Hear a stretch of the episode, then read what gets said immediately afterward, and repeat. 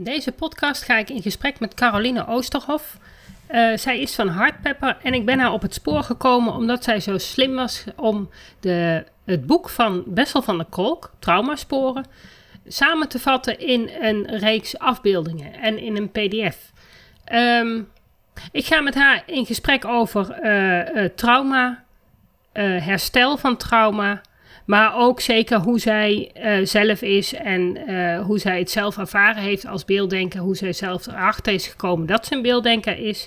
En wat zij daadwerkelijk doet in haar praktijk.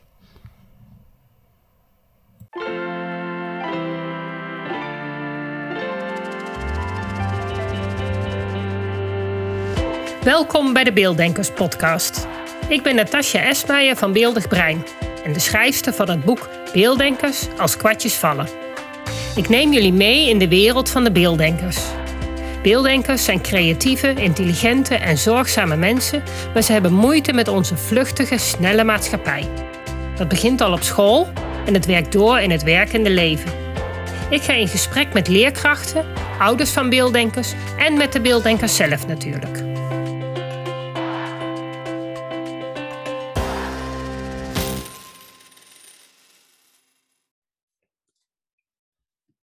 Nou, welkom bij de, bij de Beelddenkers podcast. Vandaag ga ik in gesprek met Carolien. En Carolien is van Hardpepper. En Carolien, zou jij jezelf even willen voorstellen? Ja, nou, dankjewel voor je uitnodiging. Beeldig Brein, ik vond het een hele leuke naam. Wat ik net ook al zei in de intro, of even offline. Um, ja, ik ben uh, lichaamsgericht uh, trainer. Uh, vroeger was dat een, een woord wat je echt nog moest uitleggen. Maar gelukkig is daar steeds meer um, bekend over. Dus ik werk veel met het lichaam om mensen dingen te leren voelen. Laat ik het zo zeggen. Dat is een beetje een proces. En wat het doel is, is ik help mensen die in de zorg werken, dus mensen die met mensen werken. Dat zijn allemaal mensen met een enorm groot hart. Uh, maar die lopen vaak ook een beetje leeg op dat zorgverlenen. Omdat ze niet zo heel goed getalenteerd zijn in uh, het is een beetje een uitgekoud woord, maar toch om te zeggen zelfzorg. En ik geef dat heel concreet handen en voeten. Dus hoe kan je nou een hele goede relatie met jezelf opbouwen? Hoe doe je dat zodat je, zodat je een goede zorgverlener kunt blijven? Want we hebben, ja, ik ben zelf ook een zorgverlener uh, in dit vak. Um, ja. En ik vind dat we hard nodig zijn. Ja, oh, dat denk ik zeker. Het heeft er wat aan als ik, uh, als ik morgen eruit lig. Ja. ja. Nou, eh, wat, wat, mij heel erg opviel, uh, ik heb natuurlijk uh, heel eventjes gekeken wie jij bent. Ja. En uh, jij hebt zelf ook een podcast. Ja. En jij bent gericht op trauma. Jij bent gericht op, nou ja, wat je zelf zegt, zorg. Um, dit is de Beelddenkers podcast. kan het kloppen dat jij zelf ook in de categorie beelddenkers valt? Oh, dat kan niet. Weet ik wel zeker. Ja. Oh. Ik, kan, ik, heb, ik kan je vertellen, daar heb ik wel een mooie anekdote over. En misschien okay. wel leuk om te vertellen. Ik werkte in 2007, ben ik begonnen als consultant bij Krauthammer International. Dat is een internationaal training- en coachingsbureau. En hun training om trainer daar te worden staat bekend als vrij militaristisch. En dat was ook wel echt zo. En ik moest heel veel, ik heb al die mappen hier nog steeds boven me staan. Ik moest al die modules uit mijn hoofd leren. Omdat zij uh, nou, bekend staan om het wereldwijd leveren van dezelfde training. Dus als je nou een sales training doet in Zwitserland of in Noorwegen of in India, of een client relationships training in uh, Nederland of in uh, Amerika, het is allemaal hetzelfde. Dat vind ik eigenlijk heel mooi. Dus moest je die modules uit je hoofd leren. En ik ben slim, maar ik, ik, kreeg het niet voor elkaar. Maar echt tot tranen aan toe. Dat ik zei, dit, dit, en ik zag het iedereen lukken. En je moest een presentatie geven precies volgens dat model om uh, uiteindelijk door die twee weken academie heen te komen. En ik zei, nou, ik krijg het niet voor elkaar. En toen zei Thijs, ik weet zijn naam nog steeds, dankjewel Thijs, die zei, ben jij misschien een beelddenker? En ik had er nog nooit van gehoord. En toen zei hij, wat als jij deze modules nu eens gaat uittekenen? En ik heb de strips nog steeds, ik ga je ze trouwens even toesturen. En toen zei hij, ga deze modules nou eens uittekenen. Daar heb ik een stripverhaaltjes van gemaakt. En daarna uh, uh, heb ik een dijk van een presentatie ge gegeven en werd ik aangenomen. Uh, en heb ik er twee jaar vol, met vol plezier gewerkt. Ja. En toen dacht ik, ik ben dus een beelddenker. Ik denk in plaatjes. Ja, ja. ja. ja. ja en ik vandaag, vanmorgen heb ik nog steeds weer iemand op LinkedIn die dan zoiets heeft van, ik zet elke twee weken de podcast online. Um, En deze keer, uh, of was, was, een andere. oh nee, ik reageerde op een ander bericht. En um, er stond er dus weer bij. Ik zei van ja, goh, uh, beelddenkers en zo. Nou, het is nog steeds niet wetenschappelijk bewezen. Ze hadden weer iemand, en dan kreeg ik weer een artikel toegestuurd van, van een, een of andere wetenschappelijke journalist. Die zegt, ja, het is bewezen dat beelddenken niet bestaat. En dan ga ik altijd weer terug van, ja, maar ik heb, kom gewoon zoveel mensen tegen in mijn praktijk. In, uh, ik spreek zoveel volwassenen die gewoon echt anders leren. En zodra ik ook maar die twee plaatjes neerleg, ja. Van, uh, en, en ik laat ze zelf kiezen. Nou, ze pikken er altijd gewoon hun eigen uit. En, Twee plaatjes? Gewoon, plaatjes? Nou, ik heb mijn, uh, mijn deze. Dus het, oh ja. De uitleg van het taaldenkbrein. Dus echt alles op volgorde. En het uitleg van het beelddenken met gewoon vanuit het geheel. En dan alles dat ja, divergent ja, ja, uit elkaar. En eh, vaak, ik hoef dit alleen maar voor, bij kinderen voor de neus te leggen. Ja. En dan hoef ik nog niet eens met mijn uitleg begonnen te zijn. Nee. Dan zeggen ze, oh, maar zo denk ik. Ja, ja wat Kijk mooi. mama. En dan denk ik van, ja, maar ik ken jou niet. En toch kan ik dus gewoon al vertellen hoe jij denkt. Ja. En ja. natuurlijk is dat voor mensen anders. Mm -hmm. Maar het zijn denk ik vooral de taaldenkers die heel snel denken van, ach ja, het zal allemaal wel. En, uh, ja, modern. Ja. Modern verschijnsel of zo, ja, precies. Ja. Nou, dat, dat, ik kan wel een, dus nog een mooi voorbeeld die ik geef. Uh, want toen ik op dat beelddenken kwam, uh, heb ik, heb ik uh, geleerd hoe je makkelijk dingen kunt onthouden. Dus stel dat ik jou een boodschappenlijstje geef van tien random dingen, dus die totaal geen verband met elkaar houden. Ja, jij kent het misschien best wel, maar voor mij was dat echt nieuw. Uh, bijvoorbeeld tandpasta, sokken, haarborstel, wc-papier. Als je dat tien moet onthouden, random, dan gaat dat niet. Maar als je daar een verhaaltje van maakt in je hoofd en je koppelt die plaatjes aan elkaar, uh, dus je dus stopt in, in, die sok stop je tandpasta en daar wikkel je wc-papier omheen. Nou ja, weet je, snap je? En dan, ja, oh, ik had een beertje en een beertje die. Uh, ik, heb, ik ken het trucje ook inderdaad. Ik pak dan een beertje of een dingetje of iets en die, die krijgt het allemaal in zijn hand of op zijn hoofd. Of, oh, fantastisch. Ja, ja, ja, ja. Nou, en, en weet je, dan denk ik wetenschappelijk bewezen of niet. Ik bedoel, ik kan echt geen boodschappenlijstje onthouden. Ik kan nog geen vier dingen onthouden. Dat gaat er niet in. Nee. Maar maak ik er een plaatje van of een verhaaltje, dan kan je mij met twintig dingen naar de winkel sturen en dan kom ik terug met alle twintig artikelen. Ja. ja. Ja, daar kan wat mij betreft geen wetenschappelijk onderzoek tegen op de been. Nee, nou ja, dat vind ik dus ook. Het, is, het probleem is een beetje dat het wetenschappelijk wel onderzocht is. Alleen ja. ze hebben niet naar de juiste uh, parameters gekeken. Dus ja. kom je er al snel achter dat het, als je het volgens de verkeerde parameters doet, dat het niet wetenschappelijk te bewijzen is. Maar er zijn wel degelijk wetenschappelijke onderzoeken die stukjes van het beelddenken hebben, hebben aangetoond. En dan gaat het vaak dan weer naar die hooggevoeligheid. Maar ja, hooggevoeligheid en beelddenken, dat zit zo nauw met elkaar verbonden. Oh ja? Ja, dan is het, is het beelddenken wel niet uh, bewezen. Maar ja, dan, stop het, dan, dan, dan gaan ze naar die hooggevoeligheid. Ja, dat is dus wel bewezen. Oh ja. En dat maakt het heel lastig om dan... Want ik ben natuurlijk verder gegaan met al die bestaande theorieën. Mhm. En uiteindelijk ben ik verder ge- en, en eruit gekomen, ja, hoe, helemaal eruit gedestilleerd hoe die beelddenkers nou precies denken en leren. Mhm. En, Ja. en dat wat dus gewoon in de wetenschap niet beschreven wordt, omdat ze mijn theorie gewoon nog niet mee hebben genomen. Nee, nee, nee, Dus precies. eh, ja. En het leuke is wat ik, dat ik de laatste tijd is gewoon, doordat ik die theorie nou in dat boek heb gezet, in mijn Mhm. eerste boek, dat het gewoon steeds verder gaat en dat ik dus steeds meer verhalen hoor en het steeds meer puzzel, puzzelstukjes krijg. Waardoor het Ja. steeds completer wordt. Dus binnenkort komt mijn tweede boek uit. Dat is een echte eh, voor, eh, voor eh, jongeren. En daar staat het nog veel uitgebreider in uitgelegd. Dus nou ja, dat is dan wel niet wetenschappelijk onderlegd. Ja, wel, eigenlijk wel. Op Mhm. heel veel verschillende poten. Maar niet, het is niet één eenduidig wetenschappelijk onderzoek dat beelddenken bestaat. Nee, Nee, dat hebben nee. we nog niet. Ma- Mag ik heel even iets herstellen trouwens? Want Ja. jij zei eh, in het begin hè, dat ik me vooral richt op trauma. Dat is niet helemaal waar. Het is wel een onderdeel van mijn eh, Ja. werk. Omdat we allemaal trauma's hebben. Dus het hoort, ja, ik, eh, ik ken niemand die geen trauma heeft. En als ze zeggen dat ze geen trauma hebben, geloof ik het eigenlijk niet. Dus ze hebben allemaal min of meer wel een trauma eh, in onze rugzak zitten. Het is toevallig van uh, deze maanden even wat extra in de aandacht, omdat ik uh, die PDF had gemaakt van het boek van Bessel van der Kook. En daarom mensen denken dat ik me alleen maar daarop specialiseer. Ik kreeg ook een politieman uh, die vroeg van, goh, werk je ook met mensen met PTSS? Weet je, dus ik heb daar helemaal geen specialisme in. Ik ben ook echt beslist geen afgestudeerde traumatherapeut. Ik weet er veel van, maar voor mij is mijn hoofddoel van mijn werk dat ik me bezig hou met mensen die in de, in de zorg werken. Dus uh, psychologen, therapeuten, begeleiders, mentoren. Um, ja, waarvan ik hoop dat ze een goede relatie met zichzelf ontwikkelen. Ja, ja oké. Okay. Dat ook concreet handen en voeten geven. Dus dat wou ja. nog heel even... Nou ja, dat trauma, ik denk dat dat traumastuk um, bij heel veel uh, disciplines gewoon een onderdeeltje is. Zeker. Of moet zijn. Want ik mm -hmm. natuurlijk, uh, nou ja, ben mijn verhaal begonnen twee jaar terug met dat boek met die beelddenkers. Mm -hmm. helemaal niet wetende wat voor een ellende ik eigenlijk aan zou boren aan verhalen, mm -hmm. aan ervaringen die mensen hebben met beelddenken in het onderwijs en het vastlopen en het trauma's daaraan. Op. Dat wist ik toen helemaal nog niet, want die kwamen nee. nog niet op mijn pad.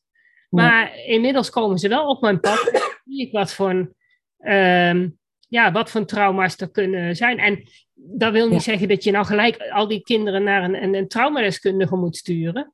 Maar dat trauma is er wel. En of dat nou groot of klein is, dat is per persoon verschillend. Nou, weet je wat ik, wat ik zelf heel sterk vond? Het voorbeeld wat ik net gaf met uh, die collega van mij, Thijs, die tegen mij zei: Ben jij niet een beelddenker? Wat het met mij deed. sorry, die kuchjes van mij moet je er maar uitknippen. um, is dat ik voelde me instant begrepen. En daar had ik het gisteren met iemand over. There is no substitute for being understood. Dat is ja. ook zo. Er is als iemand je echt begrijpt.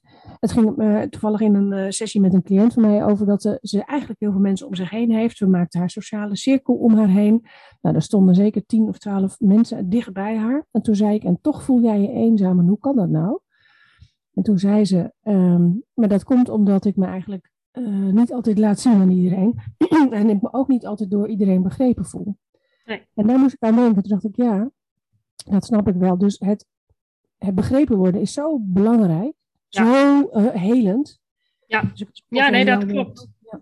Dat is inderdaad wat ik ook heel erg tegenkom, is um, ja. op school kinderen die zich niet begrepen voelen, omdat ze gewoon in een plaatje moeten passen, in, in onderwijs moeten passen dat hun niet past. Maar de juf ook niet, of juf of meester, of leerkracht niet begrijpt waar het fout gaat. Kijk, het, het feit dat er niet passend lesgegeven worden is één ding, maar het feit dat ze dat een leerkracht niet kan duiden aan, naar een kind toe dat het ziet waarom het vast fout loopt, daar zit eigenlijk de, het stukje trauma wat opgebouwd ja, wordt. Zeker. Niet dus je hebt het eigenlijk over leerstijlen. Dat het nog niet lukt. Nee, nee, dus je hebt het eigenlijk over leerstijlen, dat die leerstijlen niet genoeg worden herkend bij de nee. leerlingen. Hoe leer jij nu eigenlijk? Ja, ja. Ja, en, en zodra je, dan wordt het dus tegen een kind gezegd, nou het lukt niet, nou dan gaan we nog een keer oefenen, nog een keer oefenen, nog een keer leg ik het nog een keer uit. Maar zolang, dan, dan ben je dus alleen maar bezig met het kind steeds verder laten zien dat het het niet kan. Ja, Terwijl het precies. wel kan als je het op een andere manier zou doen. Exact, exact. Ik, ja, weet, ik weet nog in de die, die, die ik ooit gaf, dat, uh, dat iemand die, die zei ook, ik snap het niet. En toen uh, uh, wilde ik, dat was inderdaad bij Krauthammer. En toen zat ik zelf in mijn lerende periode. En toen zei ik snap het niet. En toen heb, ging ik het weer uitleggen, maar toen zei ik precies hetzelfde. En toen zei mijn supervisor, ja, maar ze heeft je wel verstaan, ze is niet doof. Ze snapt ja. het alleen niet. Dus moet je het op een andere manier nu gaan uitleggen. Ja. Nou, dat was ook zo'n eye-opener voor mij. Nee, ja. vooral dat hij zei, ze is niet doof. Ja. Dus niet drie keer hetzelfde zeggen, want ze heeft nee. je wel gehoord, maar ze nee. heeft je niet verteld. Ja. ja. Ja, ja, Dat, dat is, dat is, en, maar dat, dat merk je dus ook nog steeds bij, bij volwassen beelddenkers die dus aan het werk zijn. Ja. En dus daar ook vaak niet begrepen worden. Nee. En dat hoor je ook bij mensen met autisme, mensen met ADHD, mensen met ADD. Ze worden nee. niet begrepen, waardoor ze op de werkvloer niet altijd tot hun recht komen. Maar nee. het heeft niks met niet kunnen te maken, maar met nee. niet begrepen worden te, te maken. Ja, precies. En daarom is ook dat trauma um, uh, die opbouwt, omdat je er niks aan kan ja. doen, omdat je gewoon niet aan dat plaatje kan voldoen. Terwijl je van jezelf weet dat je het eigenlijk best wel kan, alleen niet weet hoe je het wel voor elkaar moet krijgen. Om het te, te ja. doen zoals die andere het per se hebben wil. De verbinding valt trouwens af en toe even weg. Ik weet niet of jij dat merkt. Oh, maar... ik merk er niks van. Oh, oké. Okay. Dus het kan zijn dat misschien in je opname zo meteen een hapering zit, want dan staat jouw beeld even stil. Maar... Oh nee, voor mij gaat, bij mij gaat het goed nog. Oké, okay, hartstikke mooi. Ja. Um, ja, want dat was al de, de, de, manier waarop wij bij elkaar kwamen, was inderdaad die pdf die je hebt gemaakt van uh, dat boek van Bessel van der Kolk. Uh, Je hebt dat boek gelezen, neem ik aan. Ja, ja. drie keer in, totaal zelfs. Ik heb ook gelezen. Nee, ik heb hem maar één keer gelezen. Het was een dikke oh, film. Oh, ja, maar ik vond het wel een heel mooi verhaal. Ja, ja fantastisch. Ja.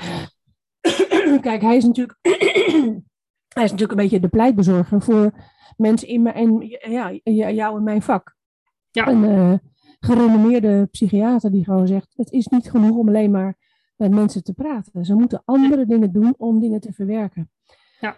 Uh, ik heb uh, vrij recent ook een van mijn cliënten, haar, want ze kwam binnen en ik zag dat ze verdrietig was. En toen zei kan je misschien, en zij danst, toen zei kan jij misschien je gevoel van vandaag dansen. Dus we begonnen met, het was heel ontroerend om te zien. Dus kan jij misschien dansen wat er nu is, wat er nu speelt. Nou, dat zijn allemaal technieken, die heb ik allemaal van Bessel van der Kolk geleerd. Uh, maar die haal ik ook uit de mindfulness, de yoga, uh, ademcirkels, ademcoaching. En hij promoot dat allemaal. Hij heeft echt wetenschappelijk uh, onderzoek gedaan naar dat alleen maar praten mensen niet verder helpt. Sterker nog, het um, het, het uh, bikkelt, bikt zeg maar het trauma er juist soms dieper in. Omdat je dezelfde neurale paden in het hoofd gaat activeren. Ja. Dus mensen moeten nieuwe neurale paden gaan, uh, als ik het goed zeg hoor, uh, gaan aanleggen. En dat moet met het lichaam, met de stem, met zang, met dans, met allerlei creatieve werkvormen. Ja, en hij is daar echt de pleitbezorger voor. Ja. ja, ik vond het ook wel heel duidelijk hoe hij inderdaad omschreef van dat dat PTSS gewoon niet in die DSM opgenomen wordt. En dat je mhm. dus daar dus eigenlijk geen uh, officieel stempeltje voor krijgt. Maar ja, dat je er dus inderdaad wel mee kan zitten. En, en dat er dus inderdaad een tabletje ook niet voldoende is. Want dat lost ook het probleem niet op. Nee, chronische PTSS zelfs, hè? Ja. CPTSS heb je ook. Mensen die daar zo lang onder druk uh, ja, nou, ik denk dat dat wat wij in ons werkveld tegenkomen, juist die chronische PTSS is. Kijk, als jij uh, echt uh, eh, PTSS hebt, dan heb jij eigenlijk is er één, één voorval gebeurd. Kijk, mhm. dan kun je met EMDR, kun je daar in principe dat ene voorval kun je wel wegpoetsen. Mhm. Maar als er iets chronisch is, ja, dat poets je mhm. niet even weg. Dat, dat, dat gaat EMDR ook niet helpen. Nee, klopt. En dan, dan is er meer. Gezegd. Ja. ja, en dat is ook wel een mooie boodschap van hem. Klopt, hij, ik geloof dat hij EMDR op de tweede plek zette. Dan weet ik even niet meer wat op de eerste plek stond. Ik geloof mindfulness. Oh, dat zal wel zijn. Ja. ja, ik weet ook niet precies. Ik heb het dus een tijdje geleden dat ik dat boek heb gelezen. Vorig jaar of ja. zo. Dus, ja, nou, hij heeft er zich nog zo. Ja, ze hadden ja. volgende aangebracht en volgens mij was het mindfulness op nummer 1 en EMDR op nummer 2. En dan yoga. En dan, nou, dus hij heeft zo'n lijst. Nou, die familieopstellingen heeft hij, heeft hij ook al beschreven, volgens ja, mij. Klopt, ja, ja. daar heb je gelijk in. Internal Family Systems. Ja, daar is hij ook heel enthousiast over. Ja. ja. en dat gaat eigenlijk ook weer over beelddenken, vind ik. Want, ja, mm, zeker. Ja, dat is het. Dat vind ik het mooie. Kijk, ik ben natuurlijk zelf geen beelddenker. Dus voor mij mm. is dat best wel lastig. Want um, ik heb wel het idee dat, dat heel veel um, trauma ook uh, sneller ontstaat bij beelddenkers dan bij taaldenkers. Oh ja? Zal niet zo zijn dat, dat taaldenkers geen trauma kunnen. Die, dat, dat, naar die chronische uh, processen ligt ja. dat een beetje aan waar het, waar het vandaan komt natuurlijk. Um, maar vooral mindfulness en zo, ik denk dat dat uh, heel veel, vooral bij, bij beelddenkers, makkelijker aanslaat. Laten we het zo zeggen. Ze kunnen zich dat veel makkelijker voorstellen. Ja. Die kunnen zich veel makkelijker, die, die hebben ook veel meer dat gevoel. Dat is natuurlijk ook een stukje. Bij taaldenkers zit dat gevoel niet zo helemaal door dat hele denkproces heen. Dus die slaan dat gevoel ook veel minder snel op. Ja. ja waardoor een trauma minder uh, heftig uh, nawerkt. Nou, zal het, ongetwijfeld zullen er een hoop taaldenkers zijn die ook uh, flink problemen hebben van hun, hun trauma. Maar ja, je zou ook kunnen zeggen dat sommige mensen taal ontwikkeld hebben om uh, bij hun trauma weg te blijven. Ja, ik kan ook. nog iets bij voorstellen. Ja, dat, uh, ja, ja, klopt. dat het een vorm van uh, intellectuele dissociatie wordt, zeg maar. Ja. waarbij het heel, ehm, ja, op, het, op het oog misschien wel heel geheel eruit ziet. Maar en die mensen heb ik ook wel eens in mijn praktijk. Dat ik denk, ja, maar ja, je bent hier toch niet voor niks. Je investeert best een groot bedrag om hier te komen. Uh, wat, wat, dus wat, maar ja, je verhaal klinkt heel rond en af. Dus wat, hmm. ja, wat is er nou eigenlijk? En daar kom ik pas mee in contact als ik, ze, als ik met hun lichaam ga werken. Of lichaamsgerichte oefeningen met ze ga doen. Ja, nou, ik denk dat inderdaad een taaldenker het makkelijker wegberedeneert. Maar ik denk dat heel veel volwassen beelddenkers hmm. ook uh, geen connectie meer met hun gevoel hebben. Nee, dat denk ik ook. Die hebben ook heel veel afgesloten om maar niet te hoeven voelen. Ja, ja, en dus eigenlijk ook maar half leven, omdat ze eigenlijk dat hele stuk weggestopt hebben en er maar niks mee doen, want dan hebben ze er ook geen last van. Nee, zeker zo. Ja. Nee, dus dat... En dan ben ik zelf natuurlijk, uh, inmiddels ben ik geheeld, maar uh, kijk, we zijn nooit af. maar daar ben ik zelf wel ook een levend voorbeeld van. Ik heb zelf ook heel lang in praten, zeg maar, of luisteren of gehoord worden, mijn heil gezocht. Totdat ik gewoon merkte van ja, nou ja, daar heb ik mijn verhaal al heel vaak gedaan. En ik heb inzicht in hoe uh, mijn traumasporen ontstaan zijn. En ik snap de puzzel en ik kan hem ook leggen. En ik zie alle stukjes. Maar ja. En dan? Ik zit er nog, ja, ik word nog steeds getriggerd. Want zie ik iets, wat, zie ik weer zo'n puzzelstukje, dan gaat, alle, gaat de hele trein weer lopen. Ja. En pas, ik ben pas echt gaan. Uh, kijk, voor mij is heling, dat gaat erover dat je triggers uh, niet alleen maar kent, maar dat ze ook niet meer zo ontzettend heftig vuren. Ja. Uh, dat als iemand ziet waarvan je denkt, uh, dat, dat zou vroeger mijn hele ja, een explosie aan woede of verdriet hebben losgemaakt. Dat je nu denkt, nou, oh ja, het, oh, het ontregelt me wel even. Ja? Ik ben even een beetje van slag. Mm. Even een paar keer ademhalen en ik ben er weer. Ja. Voor mij is dat heling. En ja, daar, dat, dat, kost dat denk ik ook, ja. Het zal ook tijd nodig hebben, denk ik. Maar ja, en sommige dingen kun je ook niet, eh, kunnen eigenlijk nooit helemaal geheeld worden. En gek genoeg vond ik dat ook wel een uh, soort van opluchting. Dat iemand een keer tegen mij zei over mijn belangrijkste traumaspoor. Uh, maar misschien blijf je hier wel een beetje last van houden tot aan je dood. Ja. Eén zou zeggen, Jezus, wat een uh, deprimerende opmerking. En ik dacht, oh nou, daar ben ik eigenlijk wel heel blij mee. Dat ik gewoon weet, ik kan er niet, ik hoef niet hard te werken om er maar van af te komen. Nee. Het zit zo diep in mij gestanst dat ik, um, ja, dat als ik daar weer mee geconfronteerd word, dat het weer op gaat vlammen. Alleen niet meer zo heftig als vroeger. Nee. Maar, uh, ja. als, als, je, als je het kan handelen, dan, uh, ja, dan is het ook goed. En sommige dingen mogen er ook best zijn natuurlijk. Ja, en sommige dingen zijn niet te handelen, denk ik ook. Dan moet je gewoon zorgen dat je uit dat, soort situaties blijft. En dat doe ik ook wel. Ja. Sommige situaties, er zijn bijvoorbeeld sommige uh, cliënten met wie ik niet samenwerk. Uh, en daarop doe ik altijd een intake. Om, om te voorkomen dat een, een cliënt toevallig op mijn pijnpunten gaat ja, ja. Ik weet het nooit van tevoren. Hè? Uh, nee geven.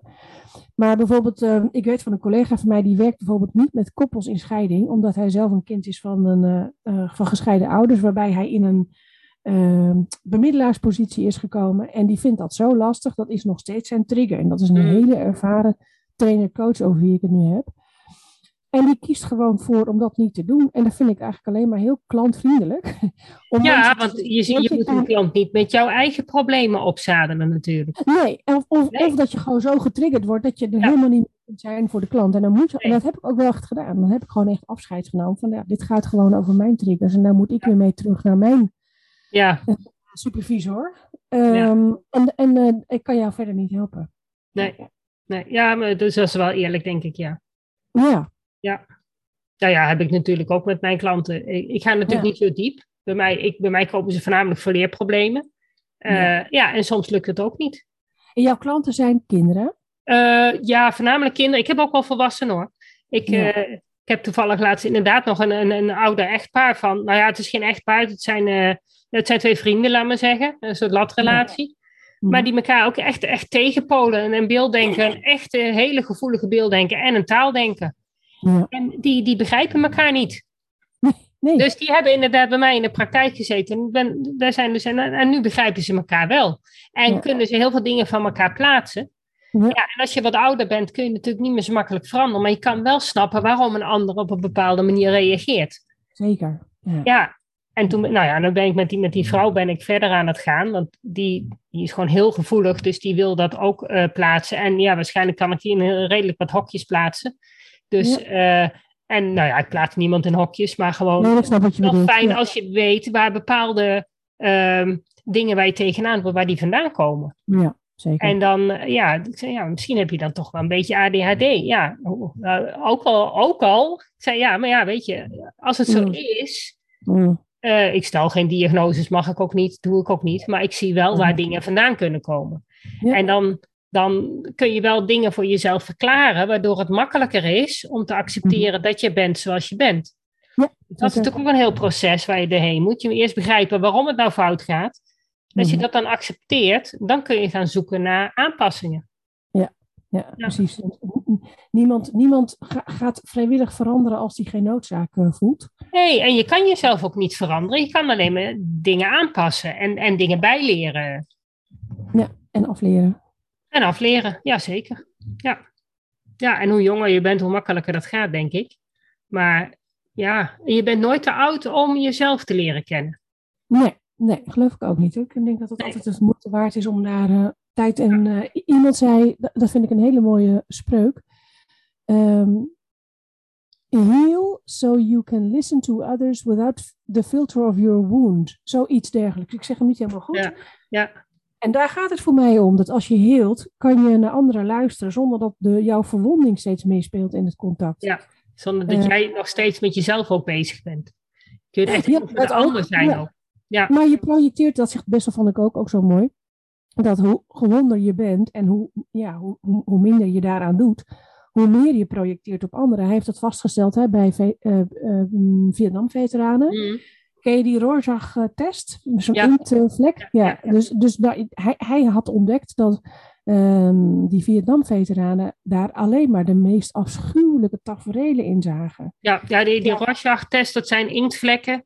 Ja. Ehm, dat symmetri- symmetrische inktvlekken Ja, zijn. ja, dus er wordt op Ja. een bladzijde gedaan en, gedaan Ja, en die en dan moet je zeggen van, goh, wat zie jij hierin? Ja. Ja. En daarmee haal je de projecties van mensen naar boven. Ja. Dus eh, ja, de een zal, eh, nou ja, goed, daar zijn al alle projecties die je maar kunt voorstellen, zijn daar mogelijk. Maar, oh, ik wil heel even mijn agenda uit, want anders hoor ik steeds pliep. Ehm, ja.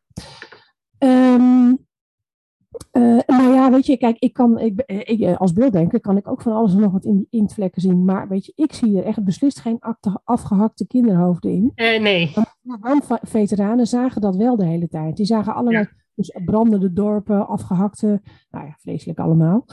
Ehm, en daarmee was de conclusie ook van Bessel van der Kolk en consorten ehm, dat getraumatiseerde mensen meer projecteren.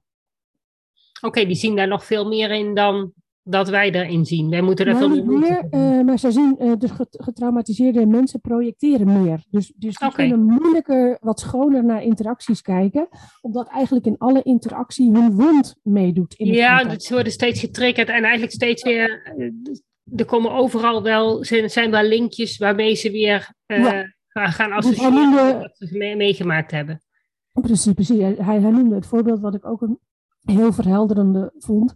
Dat als je s'avonds als vrouw alleen op straat loopt en aan de overkant eh, loopt een man, dan ik zal, eh, ik ben gelukkig geen ver- verkrachtingsslachtoffer, maar ik zie daar ook geen, ik, ik word daar niet bang van. Ik ga niet Nee. eh, lopen of wat dan ook. Maar iemand die net verkracht is door een man, eh, die zal, ziet in zo'n potentiële tegenligger, zeg maar, Ja, meteen ja. de dader. Ja, Dus ja. dat is, snap je? Dat, dat, Ja, maar het brein, want dat heb ik laatst ontdekt. Het brein, dat, dat eh, werkt ook eigenlijk heel erg eh, op voorspelling. Wij hebben eigenlijk, eh, wat, we, wat we de hele dag door zien, Mhm. is het brein eigenlijk de hele dag aan het voorspellen van wat gaat er waarschijnlijk gebeuren. En pas op het Mhm. moment dat het anders is dan dat je verwacht had, dan Oh, ga je actie ondernemen. Oh, Ehm, oh. en, Mhm. maar op het moment dat je iets ziet, hangt jouw eh, brein daar gelijk dus al een verwachtingspatroon aan. Dus als jij aan de overkant een man ziet lopen, dan zie je een man. En dat verwachtingspatroon, wat er dus op dat moment bij zo'n getraumatiseerd brein aanhangt, is: oh, als die me niet maar aanspreekt of wat dan ook. Ja, klopt. En dat is eigenlijk al, het brein is, is al, om eigenlijk eh, eh, efficiënt te kunnen werken, is heel veel dingen zijn geautomatiseerd. Hmm, ja, mooi en dat, merk je ook bij, uh, want ik ben op het moment dus met die LHBTIQA plus paraplu uh, bezig. Uh, in, dat, in mijn nieuwe boek komt daar ook een hoofdstuk over. Omdat mooi. het gewoon ook een, een stukje neurodiversiteit is. Net zoals dat je een beelddenker kan zijn, kun je ook net een andere seksuele geaardheid hebben. En dus ook daar zit je met het probleem. Op het moment dat jij aan iemand niet goed kan zien of het een man of een vrouw is, mm. Dan gaat jouw brein daarop triggeren, omdat hij zijn verwachtingspatroon er niet op los kan laten. Het klopt niet mm. met wat je verwacht dat je ziet. Nooit, ik snap wat je bedoelt. Dat zijn allemaal dingen waardoor je brein eigenlijk um, ja, in, in alarmstand gaat. Ja, ja. Vanuit de biologie ook verklaarbaar. veiligheid. Ja, vanuit de biologie ook verklaarbaar. Hè? Dus, dus alles wat voorspelbaar is, is in de biologie, is ook in de dierenwereld, is, is uh, veilig. Ja. En we zijn uh, um, een soort van afgericht vanuit onze biologie op, op de afwijking. Dus alles wat niet helemaal klopt, dat, daar moeten we op letten. Want dat doen dieren ook. Die kijken ook naar, uh, ja, wat, ja, wat klopt hier niet in het bos vandaag. Ja. En uh, ja, moet ik misschien even opletten. Ja, ja mijn dochter had uh, vroeger, nou ja, goed, wij wonen hier op de, in de achterhoek, platteland, vrij weinig donkergekleurde mensen om ons heen. Hm. Toen zij een jaar of twee was en wij uh, hadden ze baby zwemmen. Maar we hadden één badjuf, juffrouw hm. Donna, hartstikke lief mens. Hm. Ja, ze kwam uit Indonesië. Ze had een beetje donkere huidskleur. Mijn dochter vond het doodeng. Ach ja. ja. Ja, totdat, en dat was, ik vond dat heel vervelend, ook vooral voor die badjuf. Ja. ja ik kon er ook niks aan doen. Nee, Totdat ze op de peuterspeelzaal een Surinaamse leidster kreeg. Ja. En toen was het over. Ja, ach, wat toen, was, toen was die veiligheid was er gewoon weer. Van, oh ja, nou ja, weet je, huidskleur maakt dus niet uit. Nee. Sindsdien is het geen probleem meer. Maar dan Nee. zie je dat, dat, dat jonge kinderen eigenlijk voorgeprogrammeerd zijn om alles wat zij niet kennen, gewoon toch als eh, eng te ervaren. Ja. Nou is ja. mijn dochter echt een, eh, een, een hoogintelligente eh beelddenker. Dus ja, die- dat hoofdje, dat dacht toch al best wel behoorlijk wat. Ja. Eh, ja, Ja. zo zie je dat. Ja, een heel mooi voorbeeld wat je geeft. En, en eh, ook mooi dat je er. Want wa- weet je wat ik dan weer mooi vind van zo'n podcast? Dan hoop ik dat de mensen die dit horen. dan maar denken: oh ja, dus ik hoef het niet te veroordelen van mijn kind. Nee, je hoeft het niet te Nee, veroordelen. dat hoeft niet. Want het kind kan daar niks aan doen. Die, Nee. die oordeelt gewoon heel primair, sec van: hé, hey, dit Ja. is een afwijking van mijn norm. Ja. En, eh, dus moet ik heel even opletten. Wat gebeurt Ja. hier? Eh, iemand die gehandicapt is, iemand die eh, knalrood haar heeft, iemand die. Ja, Vandaar ook dat al die mensen die opvallen, eigenlijk Ja. daar last van hebben. Want Ja. voor iedereen is dat een trigger van hé, hey, dat is anders dan normaal. En ja. dat is helemaal niet zo dat, dat mensen dat dan direct gelijk ehm, vervelend vinden. Maar ja, je hebt gewoon dat verwachtingspatroon, daar voldoe je niet aan. Dus val je op. Oh ja, dat is wel weer een mooie, dankjewel. Ja, Ja. Die moest ik even horen vandaag. Ja, ja, Ja, want dan maak ik, eh, ja, ik, ik, ik leid ook wel een, eh, ik bedoel, niet een heel uitzinnig leven, maar wel eh, vrij, vrij, hoe noem je dat nou? Eh, onorthodox, misschien is dat het goede woord. Mhm. Ehm, ik vermoed ook wel eens dat ik wat meer weerstand op mijn pad krijg om die reden. Maar dat, die conclusie trek ik nu pas, omdat jij dat zo zegt, Ja. denk ik. nou kan heel goed, omdat jij valt Daarmee te maken. Ja. Waarschijnlijk val jij op, waarschijnlijk zeg jij gewoon wat jij vindt dat jij vindt. En dat, dat vo- voldoet niet aan de meeste verwachtingspatronen. Nee, Nee, nou dat wil, want ik ga binnenkort, we hebben hier in de Achterhoek hebben wij eh, in juni de Pride Maand. nee. En daar ga ik ook een lezing geven. Want eh, bij ons in de Achterhoek eh, hebben ze bedacht dat Pride eigenlijk iets meer is dan alleen maar die paraplu. Dus ze Ja. willen daar alle neurodiversiteit te trekken. Nou, dat was ik natuurlijk geheel mee eens. ja. Dus, ehm, dus ga ik een, een lezing houden. Gaaf. Ja, als de podcast al wat ouder is, dan zal die helaas, al geweest zijn. Maar ik hoop dat ik hem eigenlijk in de toekomst vaker kan geven. Dus Ja. eh, komt hij waarschijnlijk dan toch wel weer een keer langs nog. Eh, maar echt gewoon, eh, nou ja, het thema van de Pride maand is trots in de Achterhoek. Dus ik, Hmm. mijn, mijn lezing gaat heten Jij bent jij, trots op je neurodiversiteit. En ik ga Hmm. dus, dus dit verhaal, dus Hmm. die, die, het verhaal van die, ehm, nou ja, die neurodiversiteiten. Hoe komt het waarom een brein anders is? Waarom mensen anders zijn? Dus het beelddenken, maar ook het autisme, ook het ADHD. Maar ook dat LHBTIQA plus stuk. Ja, Ja, we zijn allemaal wie we zijn. ja. En je, mhm. doet het, je doet het er maar mee. Ja, mooi. Alleen Wanneer is die lezing voor jou? Uh, ja, in juni ergens. Uh, Ik ga hem in ieder geval hier in Zelm in de bibliotheek, of in de, in de, in de readshop ga ik hem houden, de, de plaatselijke boekhandel. Maar nog ergens anders in de Achterhoek, ik weet het nog niet precies. Nee, wat goed. Ja, supergoed. Mooi. Dus, uh, je bent welkom. Ja. Misschien ga ik wel bijwonen via Zoom. ja. Ja. ja, ik, moet, ja, ik moet nog even kijken, ook met de boekpresentatie voor het boek en zo, maar even kijken wat ik allemaal precies ga doen. Mm ja, maar ik vind het wel een mooi onderwerp om gewoon, ja, weet je, mensen zijn gewoon allemaal anders. Mm En ja, inderdaad ben je heel normaal. Maar ja, dan ben je eigenlijk ook maar uh, saai en, en, uh, en dan is het ook weer niet goed. Maar ja, dan mhm. val je niet op. En mhm. ben je een beetje anders, ja, dan val je op. Ja, ja. ja. Van ja. veel wind. Ja. ja, nou ja, kom jij weer aan, aan te passen om, uh, om dan mensen ja. te overtuigen dat het niet erg is dat je anders bent en dan, om dat te laten accepteren. Ja, ja zeker. Nou, dankjewel voor dit gesprek. Nou, ja, jij ook bedankt. Ja. Dit uh, liep uh, lekker vlot. Ja, toch? Ja, zeker. Dat was het weer voor vandaag. Bedankt voor het luisteren en superleuk dat je erbij was. Ik hoop dat je weer een beetje meer ontdekt hebt hoe gaaf, maar ook hoe lastig het kan zijn om een beelddenker te zijn in een wereld die is ingericht voor taaldenkers. Wil je meer weten? Lees dan mijn boek Beelddenkers als kwartjes vallen. Wil je op de hoogte gehouden worden van alle informatie die ik deel over beelddenkers in het onderwijs? Klik dan op de abonneerknop in je podcast-app. Wil je dat er meer mensen op de hoogte zijn van hoe beelddenkers anders denken? Laat dan een review achter, zodat er steeds meer mensen in beweging komen om het beelddenken serieus te nemen. Heb je nog tips of vragen? Of ben jij of je kind een beelddenker en wil jij je verhaal delen? Laat het me gerust weten. Wil je als ouder of leerkracht echt weten hoe het allemaal werkt bij je kinderen of bij jezelf? Kom dan naar een van de cursussen.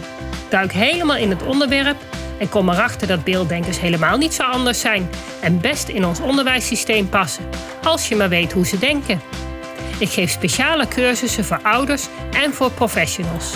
Voor meer informatie ga je naar www.natasjaesmeijer.nl. Samen gaan we voor een beelddenkvriendelijke wereld.